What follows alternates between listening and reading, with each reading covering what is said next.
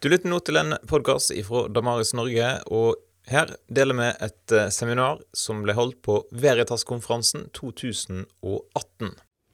Well, it's really good to be with you. I was here last year and it was just lovely to um, be here at the school and um, meet so many of you.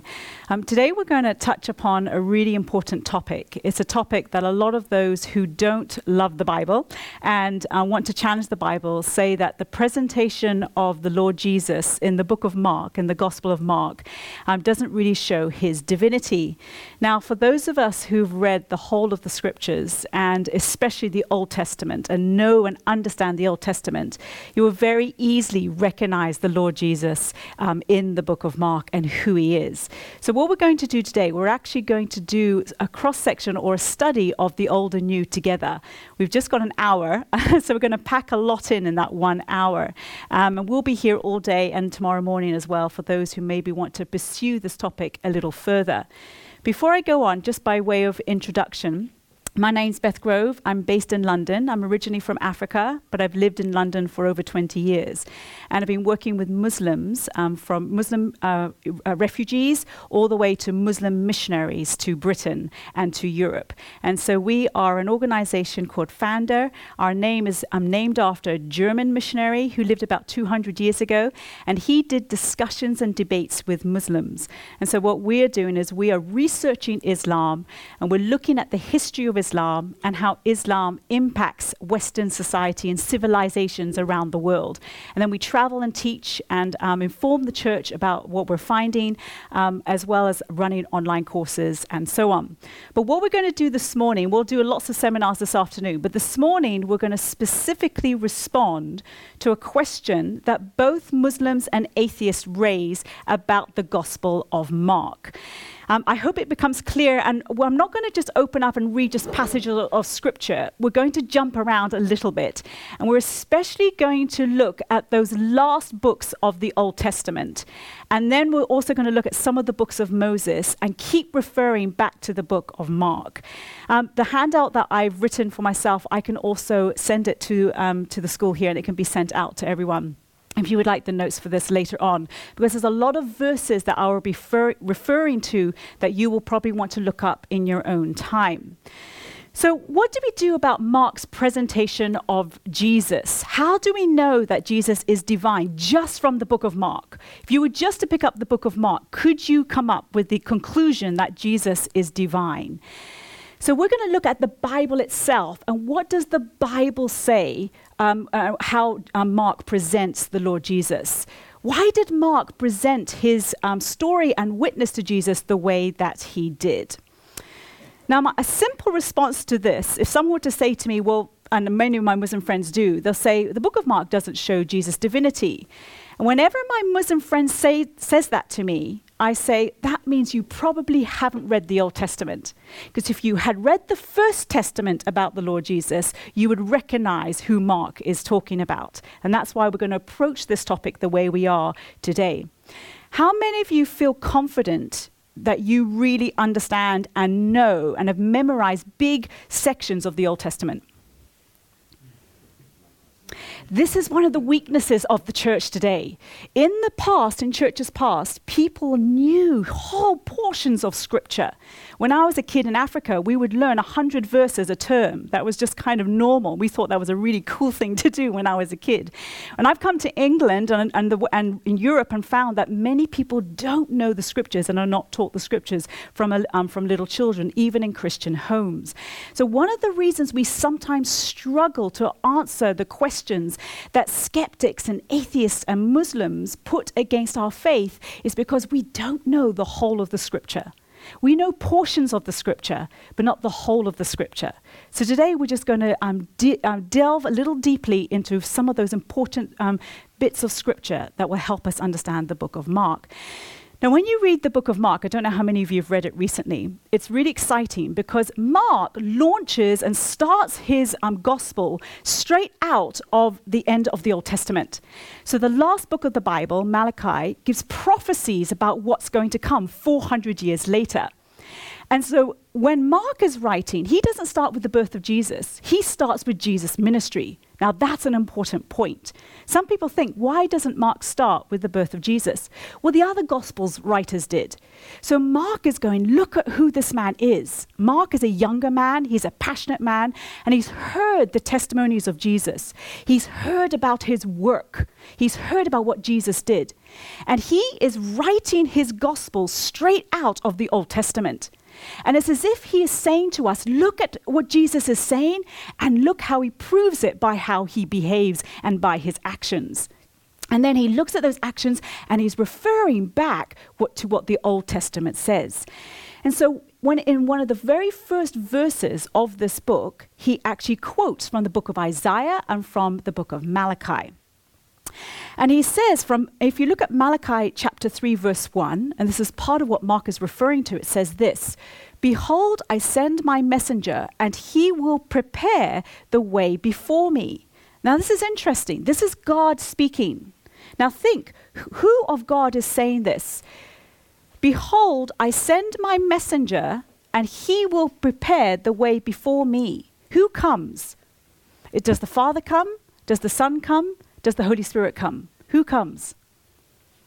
The Lord Jesus, the Son comes. This is Jesus actually speaking through Malachi. And you'll see through all the scriptures that it is the Lord Jesus who directly communicates with his people. He directly communicates with his people and he directly acts in history. Hold on to that thought. We'll address that again in a minute. So, this must be the Lord Jesus speaking because we know the messenger that's come to prepare the way for Jesus, John the Baptist, John the baptizer, is the one who's preparing the way specifically for the Son, specifically for the Lord Jesus. We know in Philippians chapter 2, another um, book of the New Testament, it tells, that, tells us that the Lord Jesus humbled himself. He took on flesh. He became obedient unto death until he is raised up to the highest heaven, to the throne of God, to the right hand of the Father. So we know that God has taken on flesh, certainly for 33 years. But how many of you realize how often God took on flesh? How often God was walking and talking with his people all through history? Hold on to that thought. We'll look at that a little, in a little bit more detail. Now, there's a really interesting verse in um, 2 Timothy in the New Testament. And it says this for childhood, and um, the writer is challenging Timothy and saying this You have known the Holy Scriptures from childhood. Now, when it mentions remember the Holy Scriptures, it's not talking about the New Testament, it's talking about the Old Testament. So it's actually remember the Old Testament or the First Testament to the Lord Jesus, the First Testament to the work of God in history.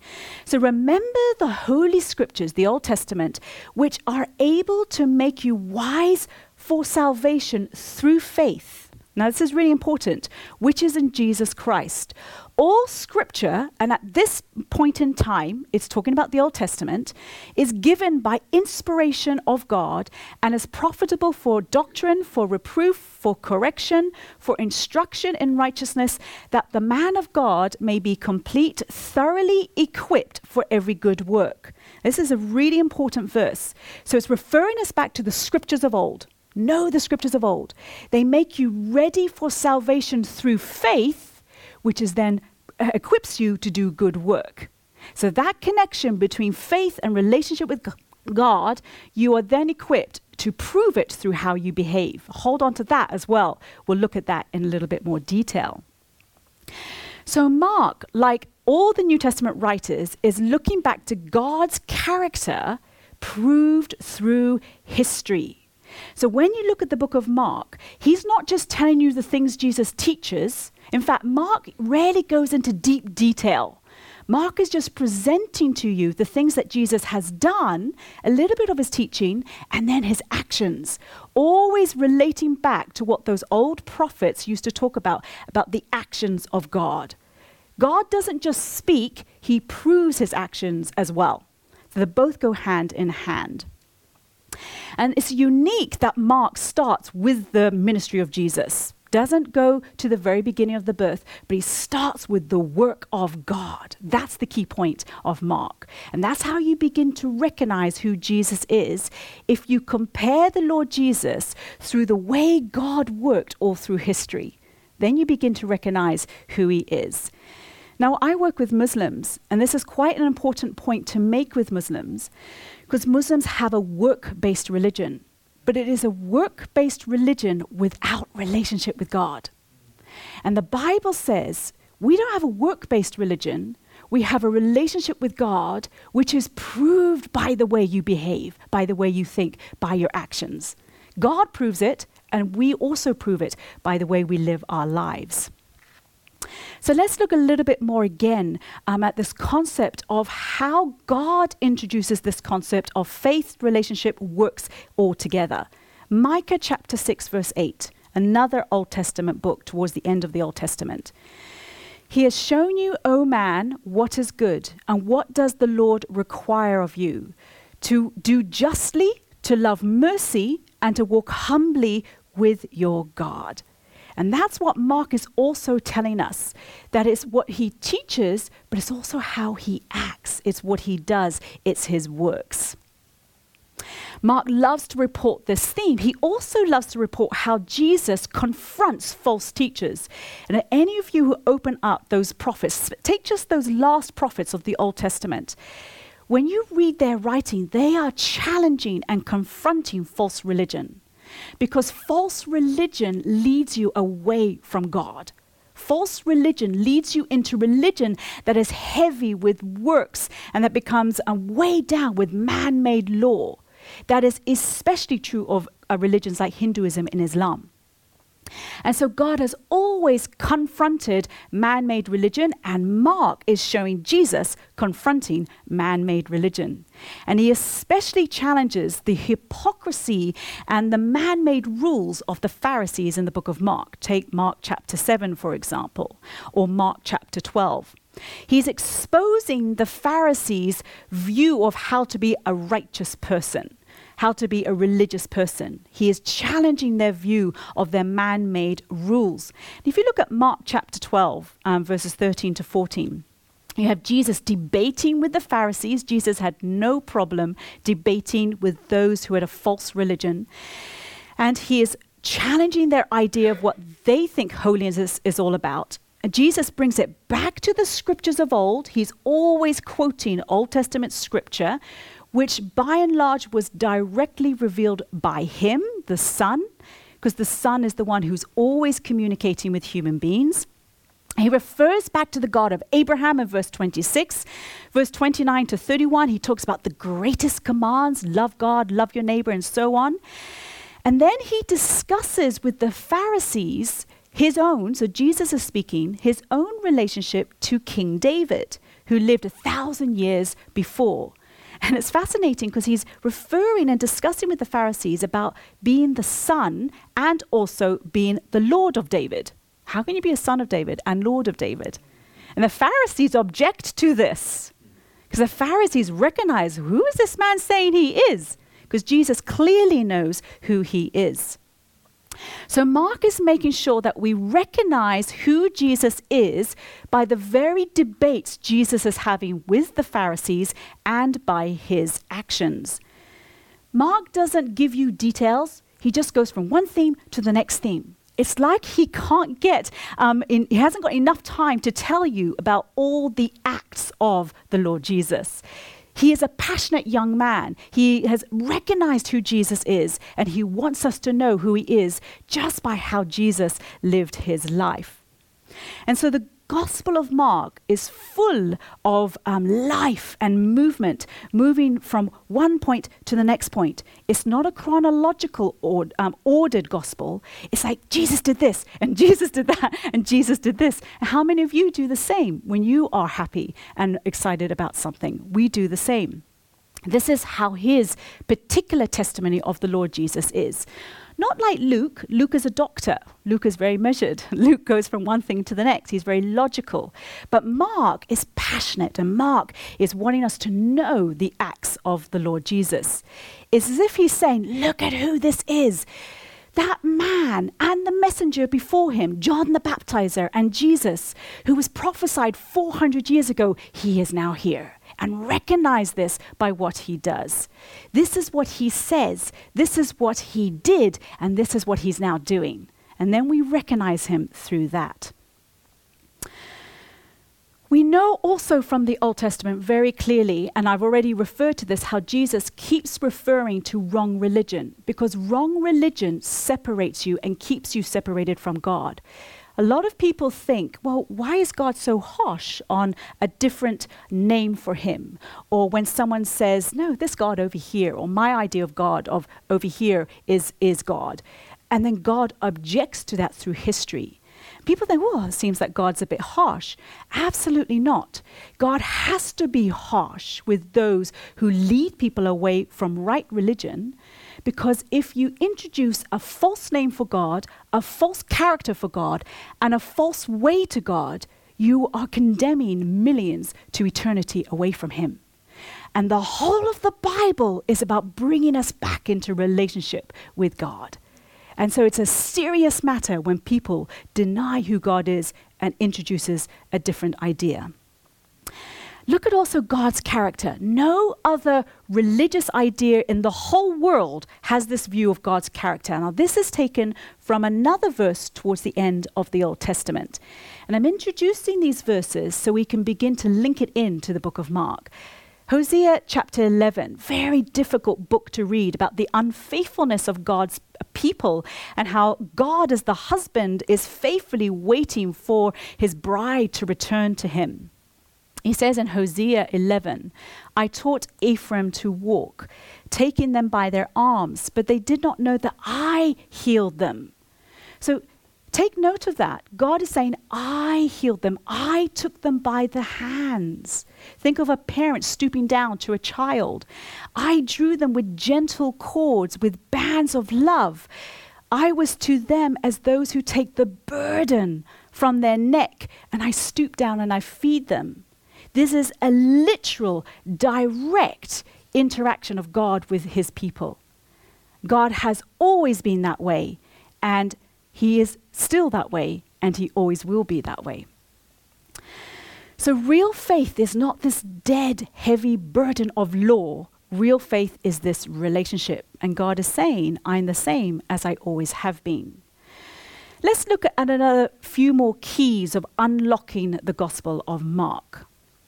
Think back to the books of Moses. This is in the fifth book of Moses, Deuteronomy and um, just chapter one at the very beginning. In fact, it's really interesting to do a study. This is just an aside. Through the whole Bible, just look at the first chapter of every book of the Bible. Fascinating. just in doing that, you get a real overview of what the Bible's about. So in Deuteronomy chapter 1, in the fifth book of Moses, it says this Do not be afraid. This is God directly speaking. Now, we don't have time to go into it, but God directly and physically face to face would speak to Moses as a friend speaks to a friend. We see that in Exodus chapter 33. That's the second book of Moses. The Lord your God who goes before you, he will fight for you according to all he did for you in Egypt. Remember, the people of God were in slavery for hundreds of years and God rescued them out of slavery. It's an image and picture of the good news of Jesus and in the wilderness where you saw how the Lord carried you as a man carries his son. So God is telling us all through the scriptures of old and now into the New Testament um, that he has never changed, that he shows his character, his name, and who he is through his actual physical actions, through history in the past and today. And that's how we begin to recognize him in the book of Mark. Mark knows that Jesus' actions are the same actions that Jesus did through the Old Testament. And that is significant because when you look at a false prophet, either a false prophet doesn't do any miracles and actions. In fact, Muhammad, the prophet of Islam, actually says he doesn't do miracles and actions. He doesn't do a miracle.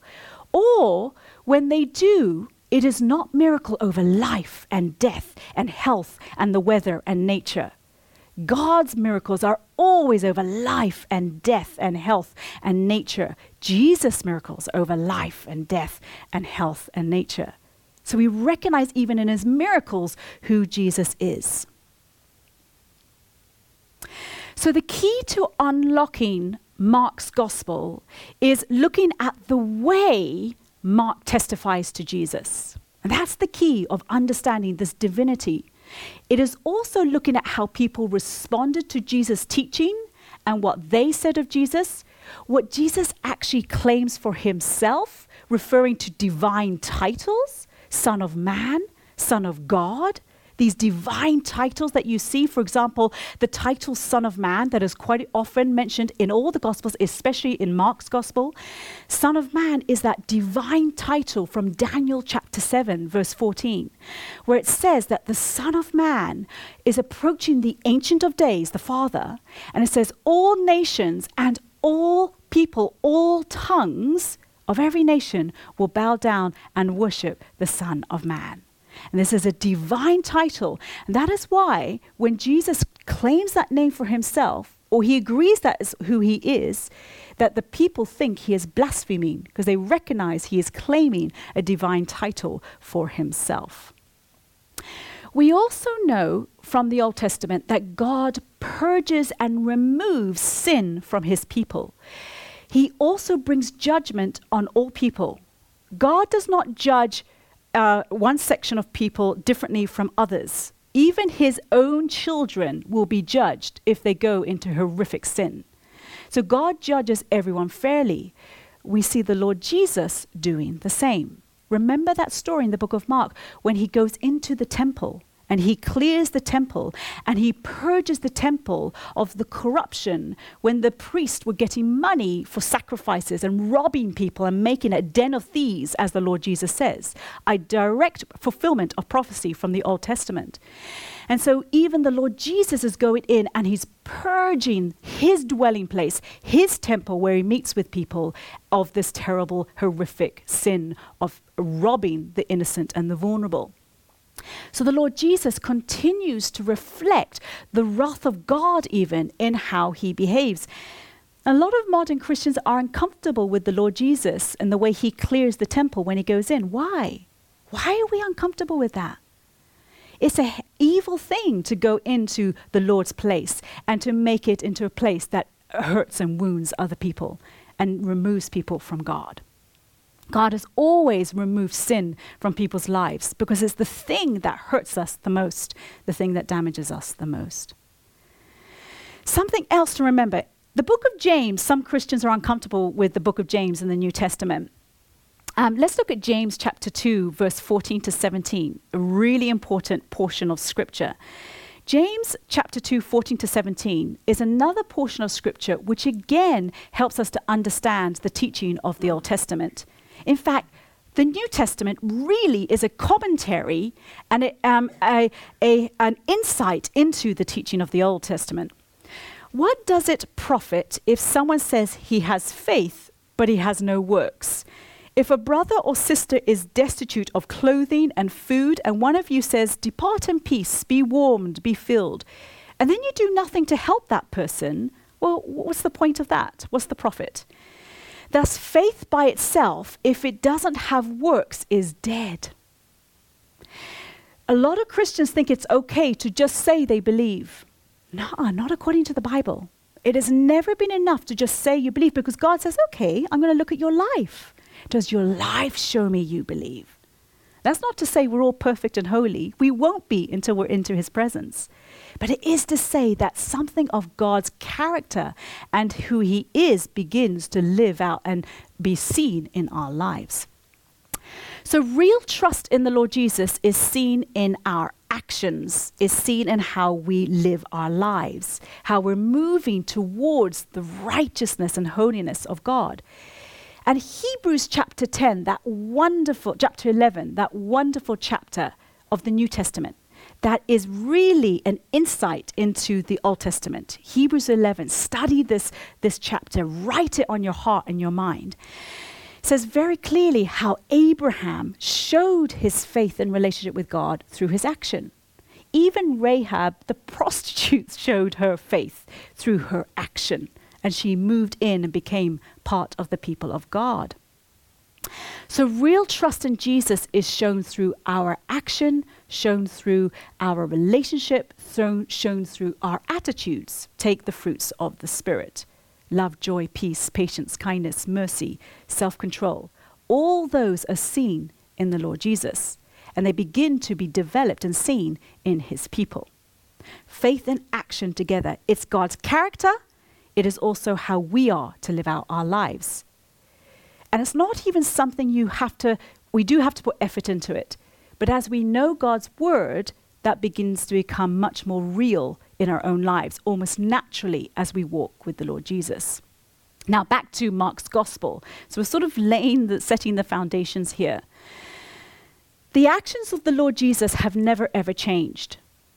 When we look at the Old Testament, God is very clearly, physically, really involved with the lives of his people. In fact, there are many occasions, we don't have time to go into it today, where God himself physically walked, talked, wrestled, and fought for his people. There's many examples of that in the Old Testament. Mark knows this, as do all the New Testament writers. And that's why Mark is saying, see this character of Jesus, see what he says, the names he claims for himself, and his actions, what he does.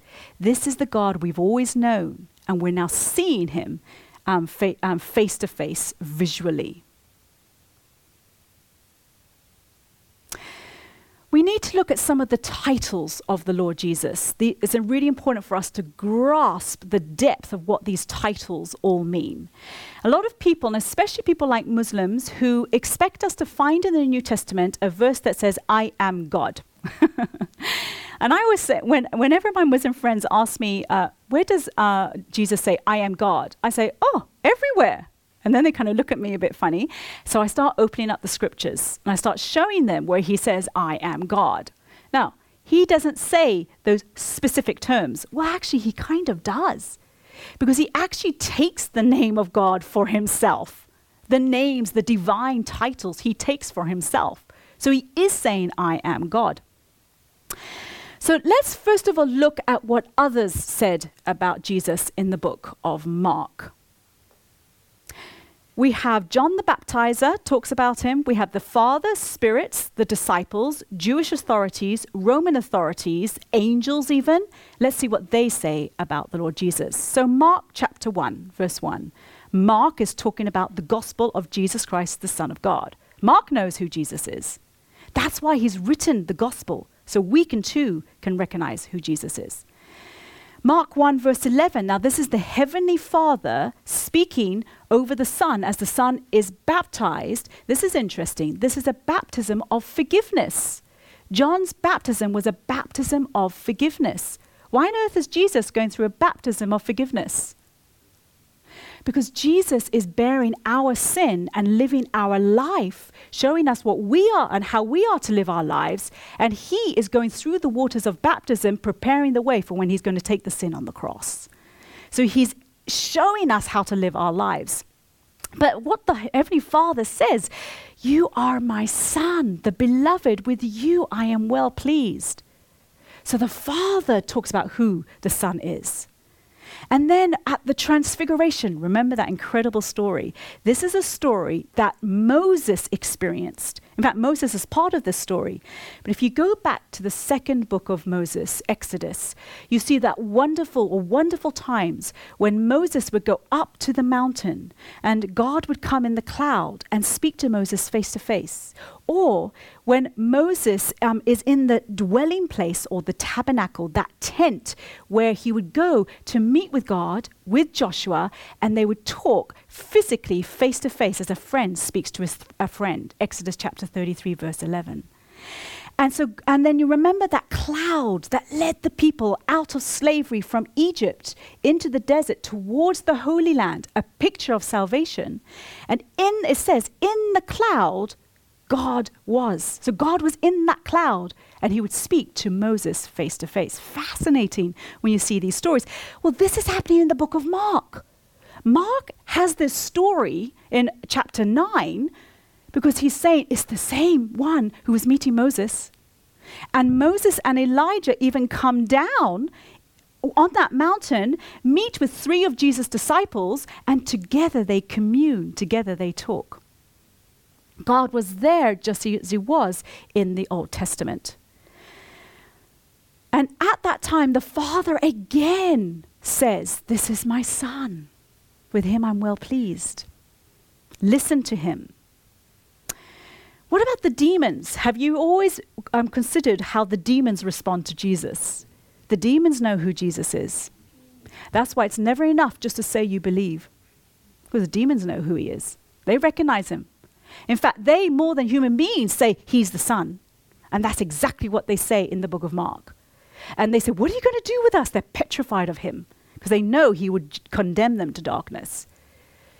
So they recognize who he is, but they are evil, full of evil. And Jesus releases people from the bondage of Satan. And this is an area, especially when you work with Muslims, for example, or Hindus, where demonic oppression is deep in their lives simply because of their religious practices. And so, in the name of Jesus, the demons flee. What a release that only in the name of Jesus the demons flee. But the demons recognize who Jesus is. And then, what about Peter in Mark chapter 8? Peter says, You're the anointed one. Are people aware of the depth of what Messiah, the Christ, means? The anointed one, the promised one, the one that's going to come and reign on high. Mark 13, um, again, uh, we know very clearly uh, that um, Jesus doesn't know, here he doesn't know his hour, the hour. And this is a verse, I'm highlighting this because um, Muslims and atheists will raise this verse. It says, how can Jesus be God because he doesn't know the hour he's coming back again? How many of you have heard that challenge? And that's right there in the book of Mark. Jesus doesn't know the hour he's coming back again. And I say, well, that's easy. He doesn't need to know. The Father knows, so God knows.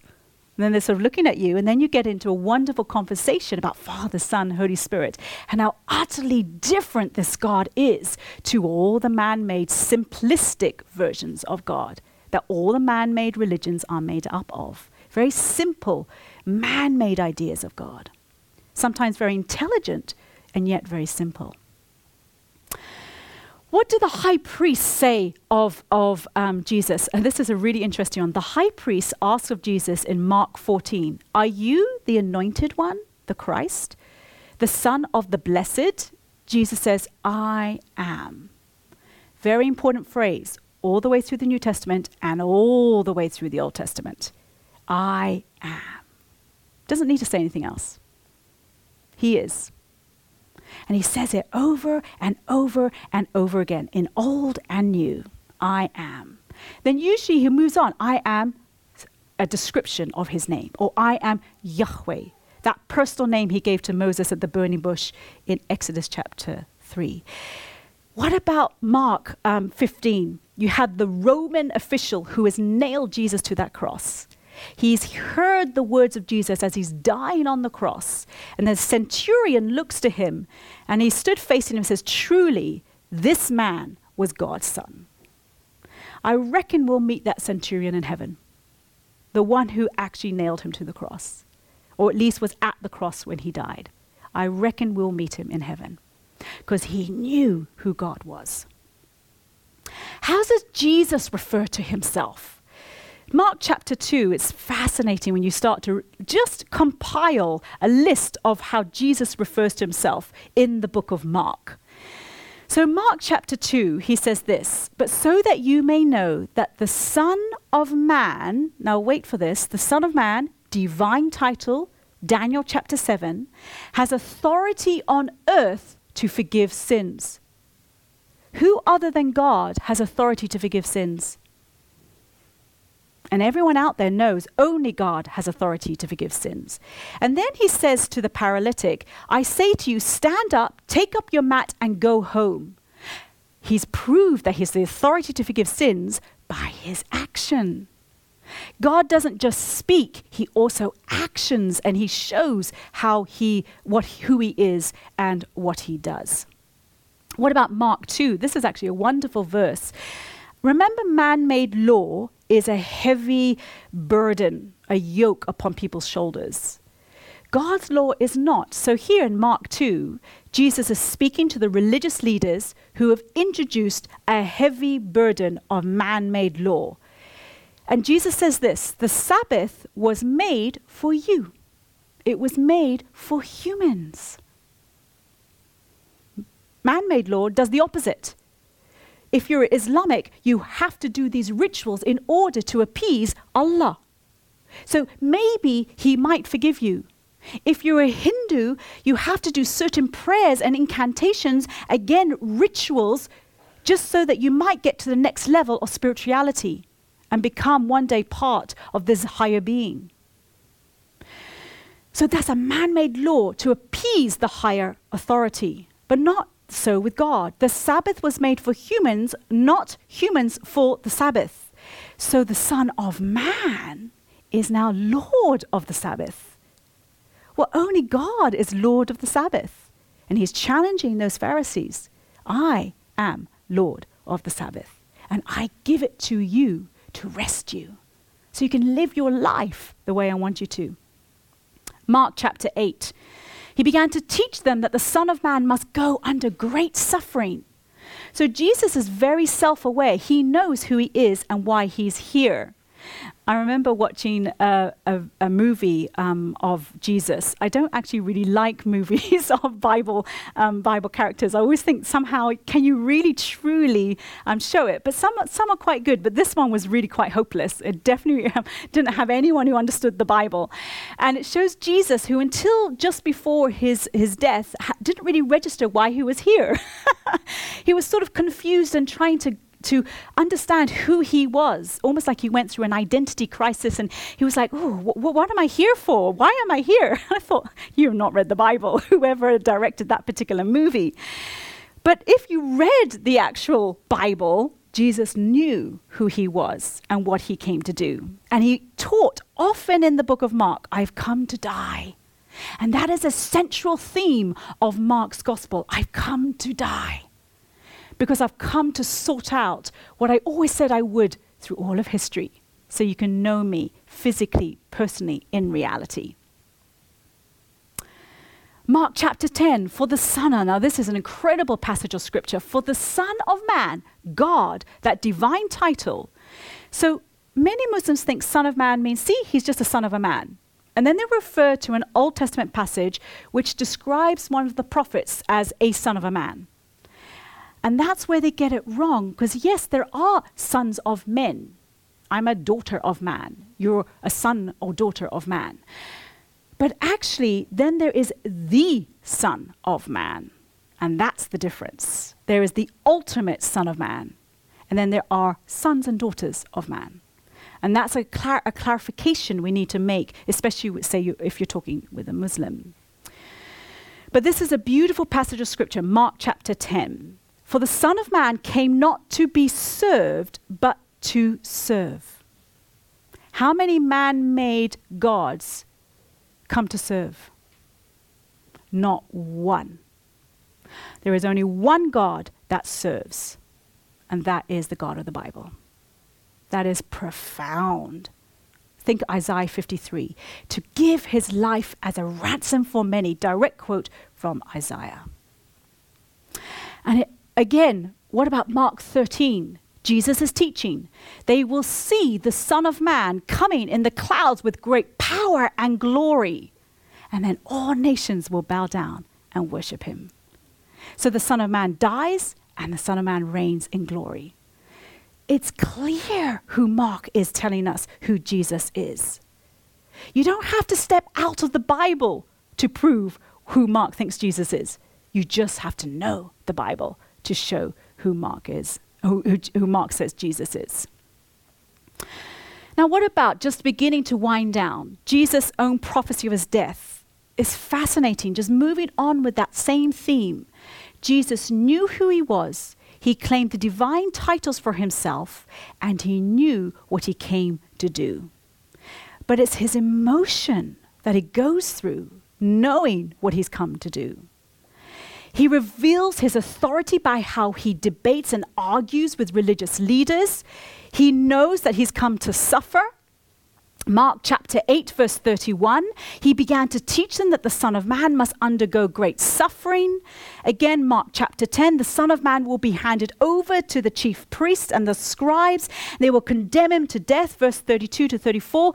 Then he will be handed over to uh, the Gentiles, and they will mock him and spit on him and flog him and kill him. Three days later, he will rise from the dead. These are all themes you can find all through the Old Testament. Mark 14, ah, when Jesus, just before he dies, I am deeply grieved, even to the point of death. And he's asking his disciples, remain here with me, stay with me. He needs their companionship. This is God asking his disciples to remain. And he goes a little further. He falls onto the ground in absolute agony. Abba, Father, for all things are possible with you. Remove this cup from me. Not what I want, but your will be done. He's in utter surrender to the Father, his will aligned with the Father's will, as is what God would be, aligned with each other. And it's important this verse because Muslims will look at this verse and people of other traditions will look at this verse. And Muslims will say, see, Jesus bows down like a Muslim. In Islamic ritual prayer, you bow down. A very certain way you bow down to Allah. And they impose that on this text. Well, one, they've never read it for themselves, if that's what they think. Second of all, they've missed the whole point that God has emotion. When we have emotion, we are reflecting God's image in us. If you read the Old Testament, how many times does God have passionate love or anger at cruelty and crime and evil. Anger, uh, God has em- emotions, sometimes intense emotions, as we do. But then we're made in His image. We would. We have righteous anger and we have passion and love and, and all those emotions that God has. We have compassion, something that God has. Uniquely, the biblical God. So, in conclusion, to wrap up, This way that Mark is throwing at us all sorts of events, and I've only just touched upon a few. We couldn't we didn't have enough time to just sit there and read all the chapters of Mark. That would have been wonderful. And then I would have just sat down and you would all got it. but um, when he goes through all these events, not in detail, very concise little, um, little stories, he just throws them all out. This um, narrative of moving from one thing to the next. See what he said, see what he does. this proves what he said. Oh, this is what they said in the Old Testament. He's acting the same way. See who he is. That doesn't end from beginning right to the end of Mark. And we're going to start looking at that last chapter of Mark as we begin to wrap up. So the whole of Mark is really summed up in this last chapter, Mark chapter 16. And the angel says to the people where Jesus has been put in the tomb after his death, he rises again, something that is absolutely denied by some religions, especially Islam, where it says that Jesus doesn't die. The whole core point of the whole Bible, Islam has taken out. More of that this afternoon if you come to the seminars on Islam. But back to this. So you have Jesus, he's died, he's in the tomb, he's risen again, and the angel is there, and the disciples and the people are running to the tomb. And the angel says, Don't be alarmed, you seek Jesus the Nazarene, who was crucified. He is risen. He is not here. See the place where they laid him? But go tell the disciples. Now, this is the um, summary or the conclusion of the whole book. Go tell the disciples, and he is going before you into Galilee, and there you will see him as he said you would. So the angels point out, uh, he said that you would see him after he died. And he's reminding them. Then, in the, I love this little next portion in Mark chapter 16. Jesus appears to a woman something you wouldn't do in that day because a woman's testimony was not as valid. And there are specifically in other religions when a woman's testimony is not valid, especially in Islam. More of that this afternoon. But Jesus appears to this woman, and not just a woman, a woman who had demon possession, and he had released her from the demon possession. She, and he tells her, Go tell the others. She goes, tells the others, and what do they do? All the blokes don't actually believe her. so the men don't believe her. And then I love the next thing because Mark really challenges those male disciples. Um, and, and Mark chapter 16, Jesus appears to the 11 disciples that are left. Remember, Judas has died because he, um, he realized what he did to the Lord. And he rebukes them for their unbelief and their hardness of heart because they didn't believe the witnesses, especially the women who had seen the Lord Jesus. So Mark misses out unimportant details and he's going straight to the very end where he goes to Jesus commissioning, sending out of the disciples into the world. The many witnesses to take what they've seen and heard and witnessed and now know to take it out into the world. And this is the reason for the gospel. Go into all the world and preach the gospel to every creature. He, those who believe and are baptized will be saved, but those who do not believe will be condemned. And folks, that is the heart of the Old Testament message. Those who do not believe are saved, who do believe are saved, but those who do not live in separation from God. Miracles are done, and they are proved in the book of Acts. Those miracles that are talked about at the end of Mark are witnessed in the book of Acts. And Mark, like the other disciples and the other gospels, keeps referring us and, and showing how his gospel also is confirming which all the psalmists and the prophets wrote about. In fact, Jesus says in another gospel, You would recognize who I am if you believe the Psalms and if you believe the books of Moses and all the prophets, which means every prophet wrote about Jesus. And that's Jesus' own words. That's taken from the other gospels. And Mark presents his facts on Jesus matter of factly. This is fact. There's no nuance or, or nothing subtle. It's clear, it's concise, and he's just throwing the facts out. This is who he is. Recognize who he is. It's what the scriptures have always said he is. So recognize it now as I tell you how he behaves. There's no confusion. And then we end with Mark's last verse, last concluding statement. And this is what sums it, it sums all it, it is all summed up in this last few verses. So Mark chapter 16, verse 19 to 20. It's an amazing summary, this, these last two verses. It is the summary of the whole of the Old Testament, and it is the summary of the whole of the New Testament. It is the summary of the Bible. and this is how he ends it. Mark chapter 16. So then, after the Lord had spoken to them, he was received up into heaven, and he sat down at the right hand of the throne of God. That is the place of the highest authority. He sat down at the right hand of God, and they went out and they preached everywhere. The Lord working with them. Not left alone, the Lord himself working with them and confirming the word through accompanying signs. And I love how Mark just ends his gospel. He just goes, Amen. and what do you say? Amen. Okay. Any questions for the last five minutes?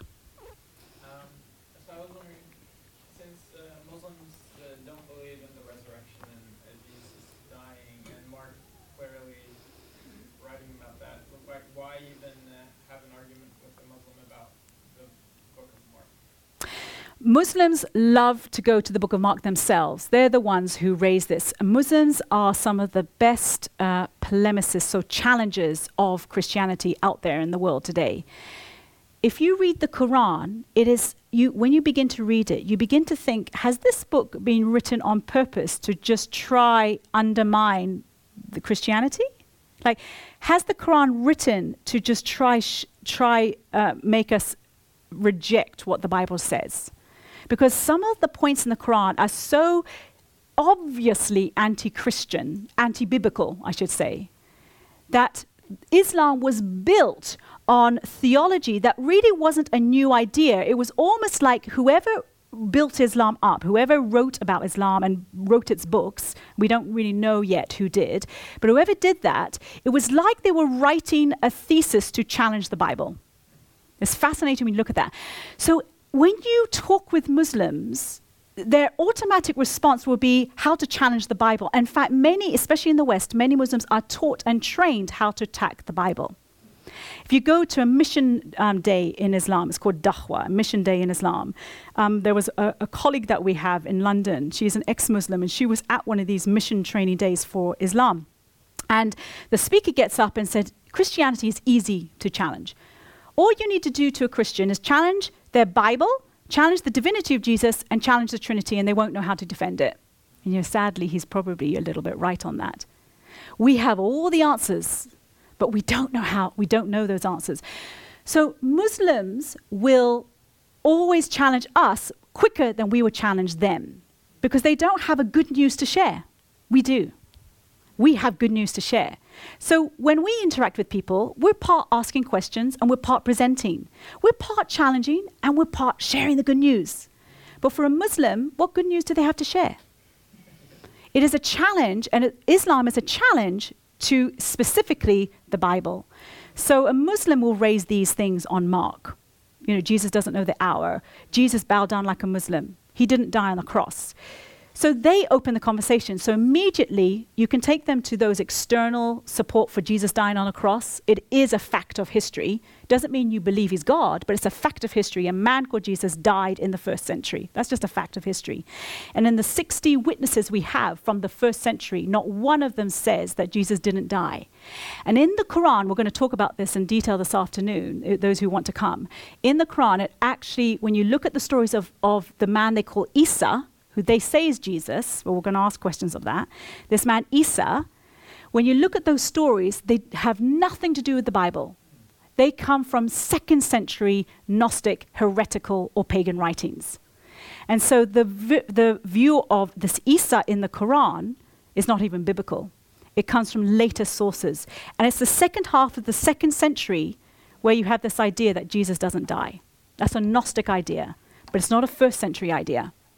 So you can begin to go into defense of the faith and so on with them. But why challenge them? Because our Muslim, dear Muslim friends need to know that Jesus did die. And if they don't recognize that, they spend eternity separated from him. So we, we even need to take the argument to them. Because otherwise, their religion takes them away from him. Yeah.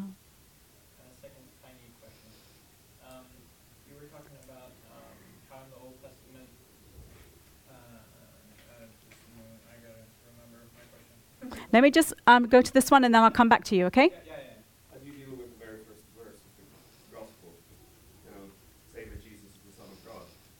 Allah doesn't have a wife. How can children? Yeah, yeah. I say, oh, I didn't read ever in my scriptures where um, God has a wife. Uh, can you show me where God has a wife? and they'll be like, hmm? I say, there's nowhere in here it says God has a wife that's interesting because in the Quran it says Allah Allat Manat. We know in paganism where Allah comes from, he had a wife called Allat. So Allah in paganism, as Islam was starting, had was a god called there was a god called Allah who had a partner called Allat. That's um, that's a feminine form in Arabic. So maybe Allah did have a wife originally. But in my Bible, where do you, I don't see God ever has a wife. Don't see that. Now, if you want to be, this might get you into hot water. In Genesis chapter 1, it says, I, God is making male and female, makes man and woman, and then in my image, male and female, I make you. Now, that's a big conversation. But that's very helpful, especially with women. I say to Muslim women, did you know that you as a woman bear out the part of the image of God? Fascinating how valuable that is for a woman. But that's a whole other conversation. But I just hand it to them. Can you show me where it says um, God has a wife? It just doesn't. So this is a Muslim problem. And then I say, that's interesting because in the Quran, it, it seems to think, it has Mary, um, Surah, that's book um, 3 and book 19. It has Mary and Isa denying they're part of the Trinity. Well, I don't recall anywhere in this book says that Mary's part of the Trinity. So if Allah's God, why doesn't he know biblical theology? So actually, the problem is Islamic, not us. Okay? Mm-hmm. Yeah, so I was wondering about the messenger you were talking about from Malachi. So why would that be? Because I guess Muslims would think that that is Muhammad. yeah, so maybe not the ones specifically from Malachi, but Muslims do look at the prophecies of Jesus in the Old Testament, uh, especially from Deuteronomy chapter 18, so the fifth book of Moses, um, where it talks about, I will send someone um, like Moses to you. And um, they will also look at John chapter uh, 14 and 16, where Jesus says, I will send um, the counselor, uh, and so on. But they are imposing their view onto the Bible and they're manipulating it. They'll also go through the prophets and they'll find any, any messenger that could be from Arabia, that's Muhammad. Um, but usually, all you need to do to challenge that, literally just read the verses around it. Just read the chapter and then say, oh, is that Muhammad? So, Deuteronomy 18, very quickly as an example. Uh, Muslims say, oh, that's Muhammad. So, Moses is prophesying Muhammad. The very end of the chapter, it says this. Um, so, you take, I start with Exodus 3, where God clearly gives his name to Moses. I am Yahweh. I am who I am. This is my name to be remembered forever. Every prophet comes in that name. Deuteronomy 18, the verse that uh, the chapter Muslims go to to say it's Muhammad, just go to the very end. the very end, it has very clearly that a prophet that comes in the name of another God and says things I have not commanded, but this is the key in the name of another God, think Allah, is to be put to death. That is how serious it is under Mosaic law to God if you come in the name of another God. Why? Because coming in the name of another God, look at Isaiah chapter 42 and Isaiah chapter 43. Again, God clearly presents his name, who he is, and his name Allah or whoever wrote Islam didn't know who God's name was. Allah's not God's name. That's not the name God gave all through the scriptures, the name Jesus claims for himself. And so the Quran completely denies the name of God. And so you just look at that in, in, in, Deuteronomy 18 a prophet who comes in the name of another God must be put to death, because that means that prophet is leading you away from God. And I just show that to Muslims. When they say it's the Holy Spirit in John 14 and 8 and 16, then I just say to them, read the end of the chapter. It says, The Holy Spirit will be with you and in you and with you always. Muhammad is dead. Can't be Muhammad. Yeah. Okay, I think we have to wrap it up there. So.